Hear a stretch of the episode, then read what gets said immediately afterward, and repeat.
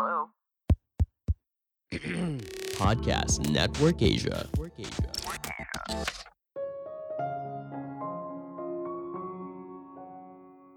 Jika kamu ingin mengubah dunia, dimulai dari rapikan ranjangmu.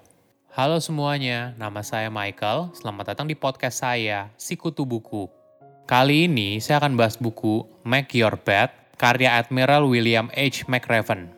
Sebagai informasi, podcast Sekutu Buku sekarang bergabung dengan Podcast Network Asia dan Podmetrics loh. Sebelum kita mulai, buat kalian yang mau support podcast ini agar terus berkarya, caranya gampang banget.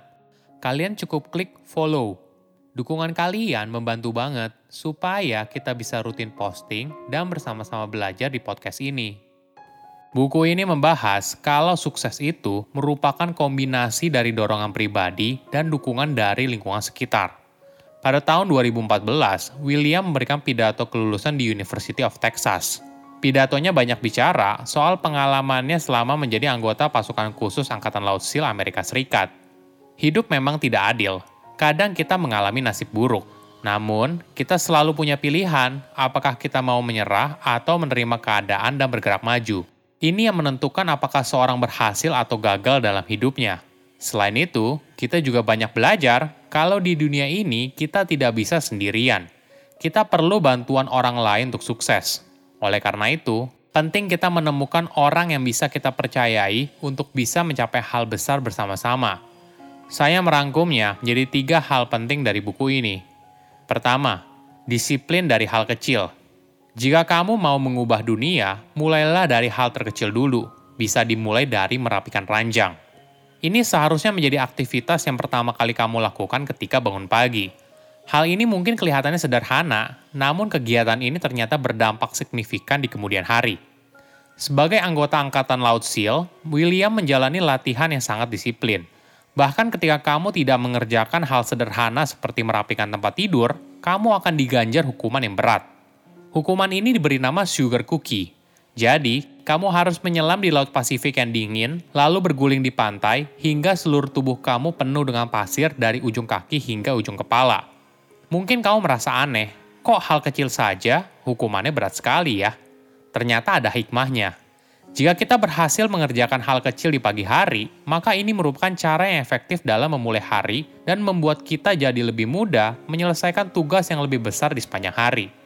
Selain itu, William juga belajar setiap kegiatan yang tidak dikerjakan, maka ada konsekuensinya, bahkan untuk hal yang kelihatannya sederhana.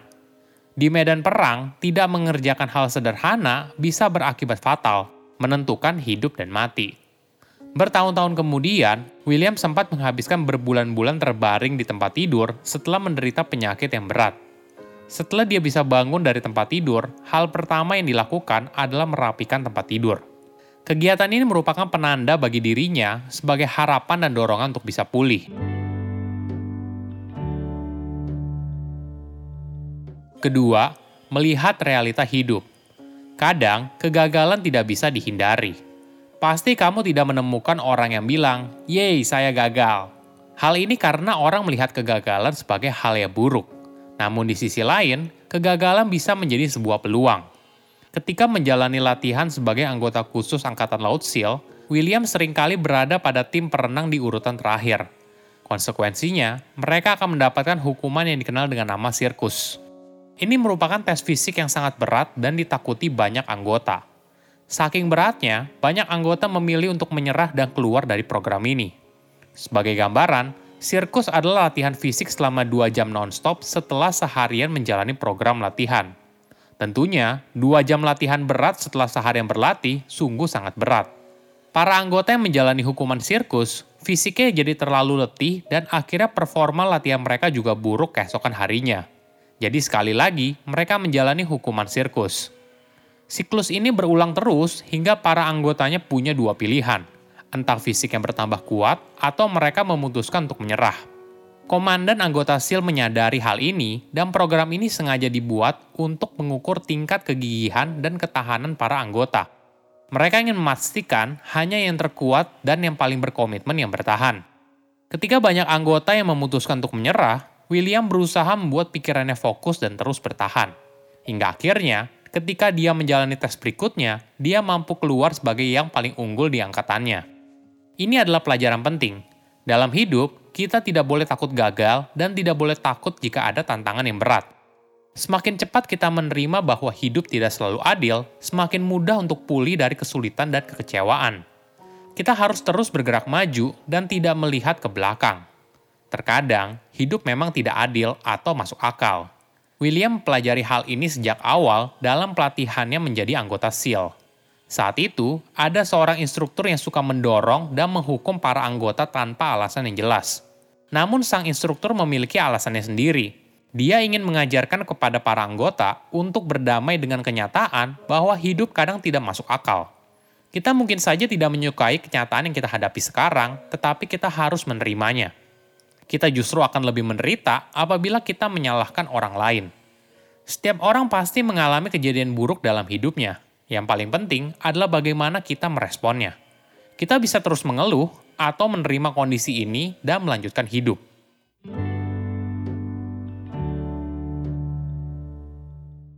Ketiga, sukses itu tidak hanya sendirian. Pasti kita sering dengar istilah self-made millionaire. Walaupun hal ini terlihat keren, namun jika diteliti lebih dalam, boleh dibilang dia tidak melakukan semuanya sendirian. Selain kesempatan, dirinya pasti juga mendapatkan bantuan dari lingkungan sekitar, baik berupa material maupun imaterial.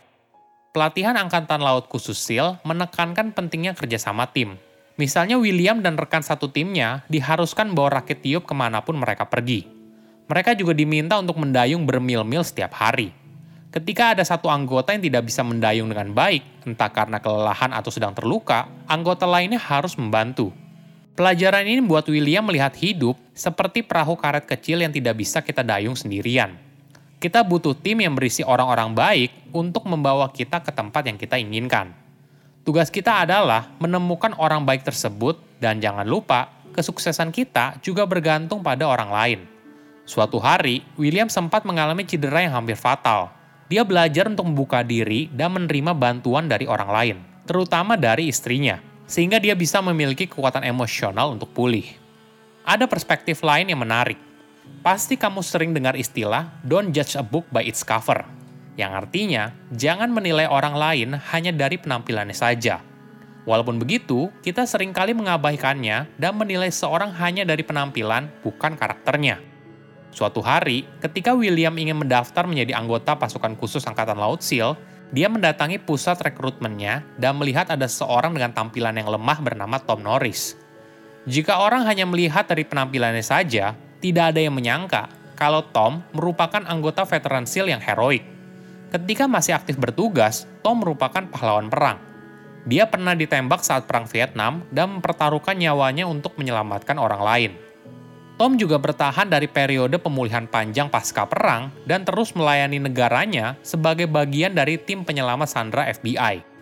Ini adalah contoh kenapa kita tidak boleh menilai orang dari penampilannya saja. Seringkali penampilan sangat menipu dan membuat kita gagal menyadari karakter seorang. Mengubah hidup tidak perlu dimulai dari melakukan hal besar.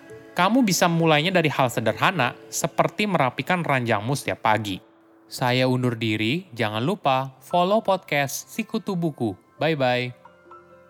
Pandangan dan opini yang disampaikan oleh kreator podcast, host, dan tamu tidak mencerminkan kebijakan resmi dan bagian dari podcast Network Asia.